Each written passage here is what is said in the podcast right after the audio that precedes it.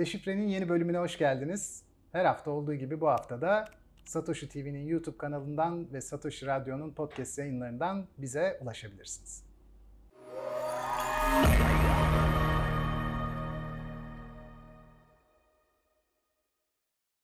Hocam yine beraberiz bu hafta. Bu hafta da sizi yatırım konusunda sıkıştırayım diyorum. Yatırım Evet, bakalım. herkesin dilinde yatırım, tasarruf işte ki yani yatırım daha da önemli muhtemelen çünkü tasarruf zaten yatırıma gitmek için var. Sanki bir ara kurum gibi. Bu kadar yatırım diyoruz ama yatırım nedir? Aslında tasarruftan başlayalım. Olur. Tasarruf harcanabilir gelirin harcanmayan kısmı. Yani elimizde tuttuğumuz kısmı. Bunu niye tutuyoruz elimizde? Gelecekteki olası beklenmedik durumlara karşı kendi varlığımızı koruyabilmek amaçlı olarak. Yatırım bu işte. Aslında kendi varlığımızı korumak için herhangi bir araca o paramızı bağlamak. Bu çoğu zaman gelir elde etmek için olabilir. Beklentilerimiz dahilindeki hangi herkesin beklentisi farklı. O beklenti oranı üzerinden bir gelir elde etmek için olabilir. Kimi zaman o beklentilerimizin çok daha üzerinde spekülatif amaçlı beklediğimiz bir getiriyi elde etmek için olabilir. Kimi zaman da varlığımızı mevcut şekliyle korumak için olabilir. O nedenle yatırım yaptığınız araca göre de değişen bir unsur. Ama sonuç itibariyle bu tasarruftan aktardığınız bir tutar. Hocam siz böyle bal gibi anlatırken aklıma şu geldi yine. Şimdi yatırımda madem bazı yatırımlar daha iyidir, bazı yatırımlar daha kötüdür. insanlar o zaman neden en iyi olana yatırım yapmazlar gibi basit bir soru ortaya çıkıyor. Tabii bir sürü karmaşık nedeni var. Hani biraz da kışkırtmak için soruyorum. Neden insanlar yatırım yaparken bu derece farklılaşırlar ve bambaşka yerlere yatırım yaparlar? Aslında herkes en doğru yatırımı yaptığını düşünür. Yani en büyük aldatıcı nokta bu. Bir de yatırım kime göre iyidir ya da kime göre kötüdür o kişiyle alakalı olan bir şey. Onun için biliyorsunuz yatırım yapmadan önce sizin ne tür bir yatırımcı olduğunuzu test eden çeşitli test yöntemleri var. Agresif bir yatırımcı mısınız ya da muhafazakar bir yatırımcı mısınız ya da kaybetmekten çok mu korkuyorsunuz? Kaybetme risk ya da kaybetmek sizin için önemli değil mi? Bunlara göre belirli bir skalada yerleşiyorsunuz. Şimdi eğer siz gerçekten çok ürken ya da elinizdeki varlığı kaybetmekten korkan bir yatırımcıysanız o zaman daha güvenli olarak gözüken ama getirisi tam ters orantılı olan yani güven arttıkça getirisi düşen varlıklara doğru yöneliyorsunuz. Gelir düştüğü zaman, insanlar düşük gelirli olduğu zaman o zaman yatırım yapabilecekleri alanlar da tabii ki daha kısıtlanıyor. Ama getiri ve e, sizin o yatırıma yönelik olarak e, heyecanınız aslında birbiriyle bazen ters orantılı da olabiliyor. Onun için kişiye de çok bağlı olarak değişiyor yatırım. Siz konuşurken Descartes'in bir sözü aklıma geldi hocam. O da diyor ki dünyada en adaletli dağıtılmış şey akıldır. Çünkü herkese tekrar yeniden akıl dağıtılacağı haber verilseydi herkes gidip kendi aklını alırdı. Çok doğru bu. Çok doğru. Yatırım konusunda da hakikaten sizin dediklerinizden e, bu aklıma geldi. Herkes kendi yatırımının mutlak, biricik ve başka bir yatırıma göre çok üstün olduğu fikriyle donanmış durumda. Peki bu zihinlerdeki farklılaşma sadece kişilerin kendi kişisel yatırımcı özelliklerinden mi kaynaklanıyor? Yoksa tabii bir- biraz da hangi devlette bulunduğu, hangi coğrafyada olduğu, geçmişinde neler gördüğü, neler görmediği onlarla Ee, sınırlanıyor? tabii bu aslında dediğiniz gibi bir parça içinde bulunan ortamla da alakalı. Yatırımcının ne kadar bilgi sahibi olduğuyla da or- orantılı. Yatırımcı bazen başkalarını çok dinleyebiliyor. Bazen kendini çok akıllı zannedebiliyor ve başkalarını o kadar akıllı görmeyebiliyor. O zaman da o yatırımcının perspektifi farklılaşıyor. Yani genellikle bizim ülkemizdeki olay şudur. Hani iki senet söyle ben o iki senetle kendimi farklı boyutlara taşıyayım. Ya da işte öyle bir yatırım yapayım ki bu yatırım bana bunca zamanki vermiş olduğum emeklerin hepsinin üzerinde bir getiri sağlasın. Bu çok mümkün bir şey değil. Yani yatırım yapmak sabırı da gerektiren bir olay. Sabretmeniz gerekiyor. Uzun dönem o yatırım aracında kalmanızı gerektiriyor. Gelecek dönemli olarak her belki de fırsat gördüğünüz anda o yatırımın üzerine yeni yatırımlar eklemekle olabiliyor ve belirli bir getiriye razı olmak gerekiyor. Eğer bu süreç içerisinde bu getirini getiri beklentiniz çok açgözlü bir yapıyla hareket ediyorsa, uzun dönem kalamıyorsanız sonuçta aslında kaybeden oluyorsunuz ve bu herkesin kazandığı bir oyun değil. All win game değil. Yani birileri kaybediyor, birileri de onun sonucunda kazanıyor. Zaten olayın belki de heyecanlı yönü bu.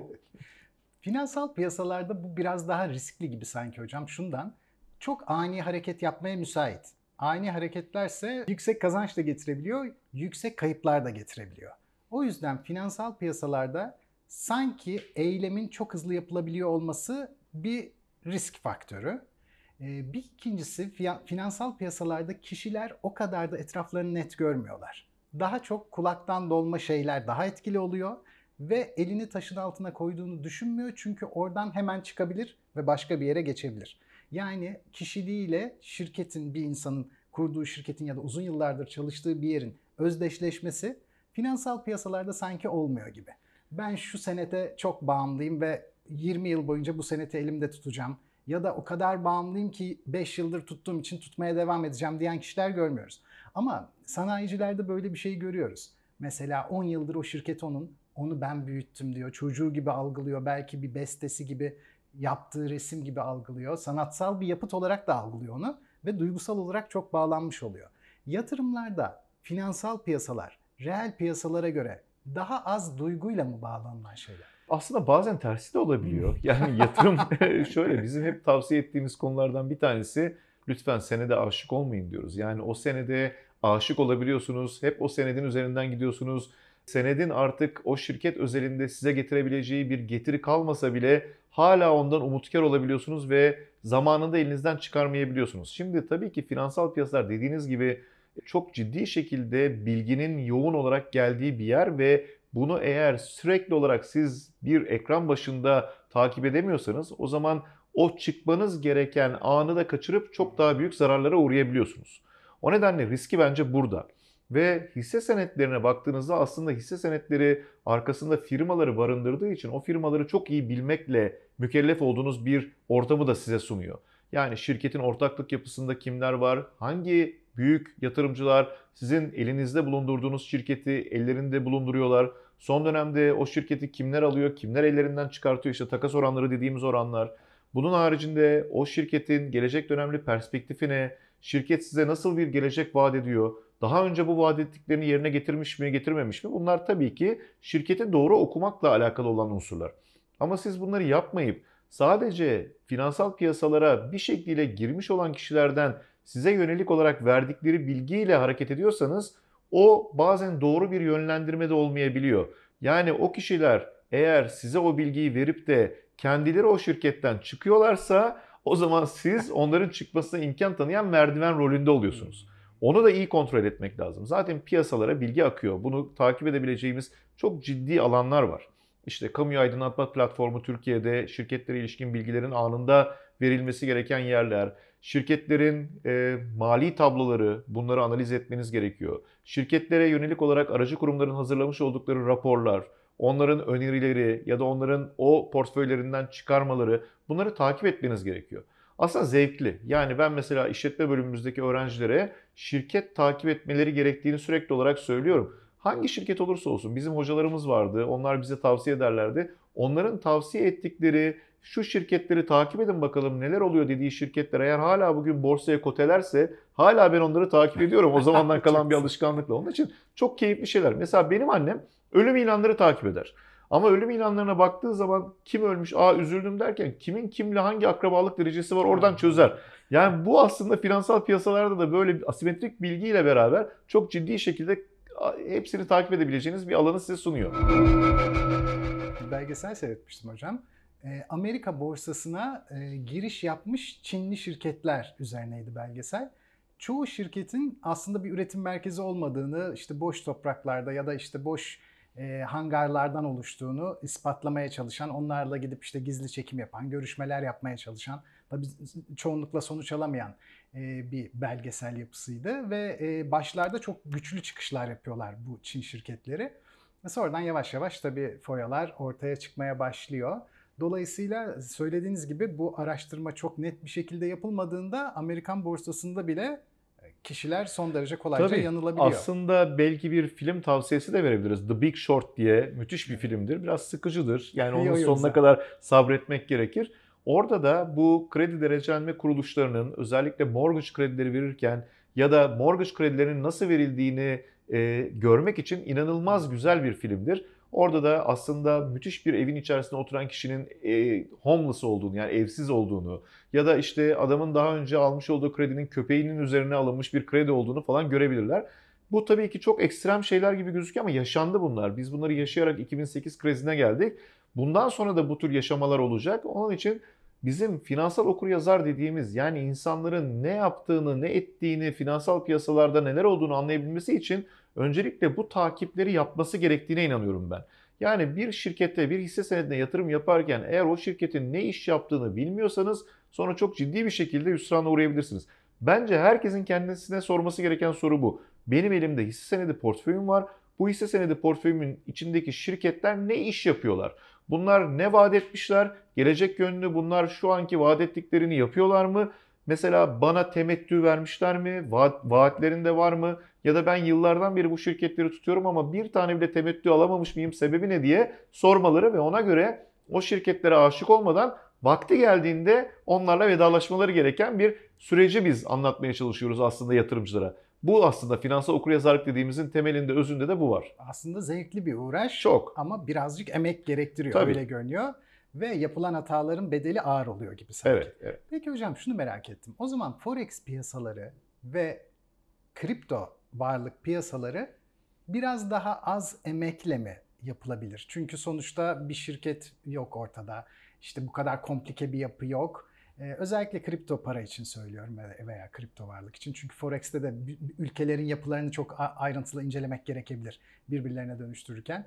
Sizce kripto varlıklarda biraz daha mı kolay o zaman? Ee, şimdi forex piyasalarda tabii ki en büyük sıkıntılardan bir tanesi kaldıraç ve kaldıraçın yaratmış olduğu o yüksek kar ve yüksek yitinç. Yani ikisi birbiriyle doğru orantılı gidiyor. Ee, bu her zaman o kaldıraç sonucunda ulaşamayacağınız rakamlara da sizi taşıyabilir. Bu profesyonellerin alanı gibi görüyorum orayı. Fakat kripto varlıklara geldiğinizde orada da büyük kayıplar ve büyük kazançlar var.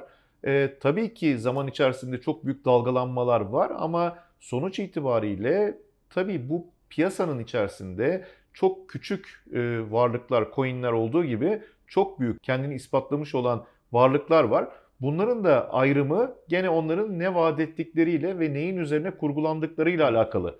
Bunu da analiz etmek gerekiyor. Yani körü körüne herhangi bir varlığı almak değil. Çünkü bu varlık size şansınız o gün doğru bir şanstır. Sizi %500 de yukarıya taşıyabilir. Ama o gün talihsiz bir gününüzdür. Dolayısıyla sizi diplere de çekebilir. Bu bence aradaki ayrım noktası. Buradaki yatırıma dikkat ederken ki en önemli hususun bu olduğunu düşünüyorum. Hocam insanlar çok uyum sağlamaya yatkın varlıklar. Bu yüzden girdikleri ortama göre hemen şekil değiştiriyorlar. Kılık kıyafet gidilecek yere göre seçiliyor. Konuşma tonlaması bile öyle. Her yere uyum sağlamaya çalışıyor. Sanırım bu durum yatırım yaparken bazı zorluklar çıkartıyor. Şöyle gibi bir malın değeri yükselirken herkes uyum sağlayıp piyasaya onlar da almaya başlıyor. Düşerken de uyum sağlayıp varlığını satmaya çalışıyor. E Böyle olunca kar değil zarar elde etmiş oluyor. Yatırımcılar bunun nasıl üstesinden geliyorlar ki görüyorum ki pek de gelemiyorlar. E, gelemiyorlar çünkü sürü şeklinde hareket ediyorlar ve bir panik duygusu oluyor. Yatırımı elden e, bir an evvel çıkarma ve e, o zararı mümkün olan en düşük seviyede kaybetme riski ve o mümkün olan en kısa sürede çıkma isteğiyle ora- orantılı olan bir şey. Bu aslında yatırım fonlarında da gördüğümüz bir şey. Yani toplam yıl içerisinde bazı yatırım fonları yılın çok önemli zamanını negatif bölgede geçiriyorlar ama sonra onu uzun dönemli kalırsanız telafi ediyorlar. Dolayısıyla yatırım yaparken aslında uzun dönemli düşünmek gerektiğini buradan ifade ediyoruz. Kısa dönemli yapıyorsanız da o zaman belirli noktalardan kendinize küçük kar noktaları koyup gireceğiniz noktayı ona göre belirlemek, o satacağınız noktayı gördüğü anda da daha fazlasını umut etmeden oradan satarak çıkıp tekrar düşmesini bekleyerek almak ya da çıkarken tekrar almak şeklinde kendinizi organize edebilirsiniz. Ama buradaki hangi yatırım aracı olursa olsun buraya yatıracağınız paranın mutlaka ve mutlaka sizi üzmeyecek. Yani kaybettiğiniz anda hele çok yüksek riskli varlıklarda sizi kesinlikle üzmeyecek oranda ve tutarda olması gerektiğini de bir kere daha hatırlatmakta fayda var. Ama her şeyin önünde sabır geliyor. Sabır geldiği zaman mutlaka kazanç da onun beraberinde gelen bir unsur. Peki bu kısa süreli pozisyon almak isteyen yatırımcılar o zaman duygularına hakim olmak zorundalar mı? Nasıl yapılabilir hocam bu şey? Yatırım duygudan arındırılmış bir unsur. Yani eğer duyguyla hareket ediyorsanız yatırım yapamazsınız. Yani her varlığa, ister bu hisse senedi ise her şirkete aynı eşitlikte ve aynı uzaklıkta olmanız lazım. Mesela ben bazı hisse senetlerini çok seviyorum. Yani bunlar benim çok uzun yıllardan beri sevdiğim, beğendiğim, aldığım hisse senetleri. Ama vedalaşmak zamanı geldiğinde onlarla vedalaşıyorum ve bitmiyor. Tekrar alabilirim onları. Dolayısıyla öyle bir ilişki içinde olmanız lazım ki duygularınızdan tamamen arındırılmış olmak ve tamamen sizin kendi belirlemiş olduğunuz kar ve zarar hedeflerine göre hareket etmeniz gerekiyor. Yani zarar hedefi derken tabii kimse zarar hedeflemez ama çıkarken eğer zarar edecekseniz o noktayı gördüğünüz anda çıkmanız. Ya bu nasıl olsa artar ben burada durayım dediğinizde o zararınızı daha da pekiştirebilirsiniz. Onun için biraz duyguların soyutlandığı bir alan finansal piyasalar yatırım alanı.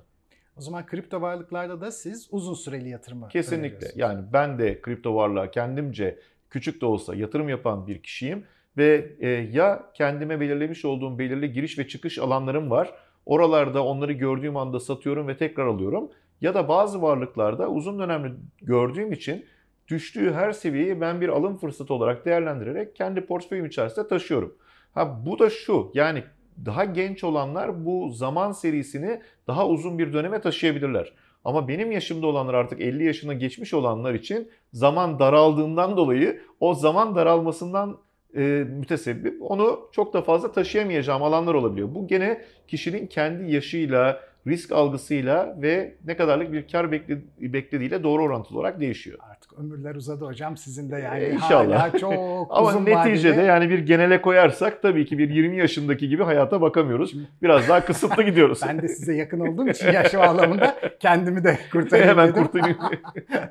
Ama yani kesinlikle hak veriyorum hepsine söyledikleriniz hocam. Sizin de çok daha uzun vadeli yatırım yapabilecek bir durumda Amin. olmanızın Hepimize inşallah. Hakikaten. Hepimize. Ağzınıza sağlık. Çok, Çok, teşekkür yine ederim. Çok sağ olun. Gördüğünüz gibi Profesör Doktor Burak Arzova yine bizi böyle büyüledi. Haftaya tekrar Burak Hoca ile beraberiz. Siz de eğer bölümü sevdiyseniz kanalımıza abone olabilirsiniz. Müzik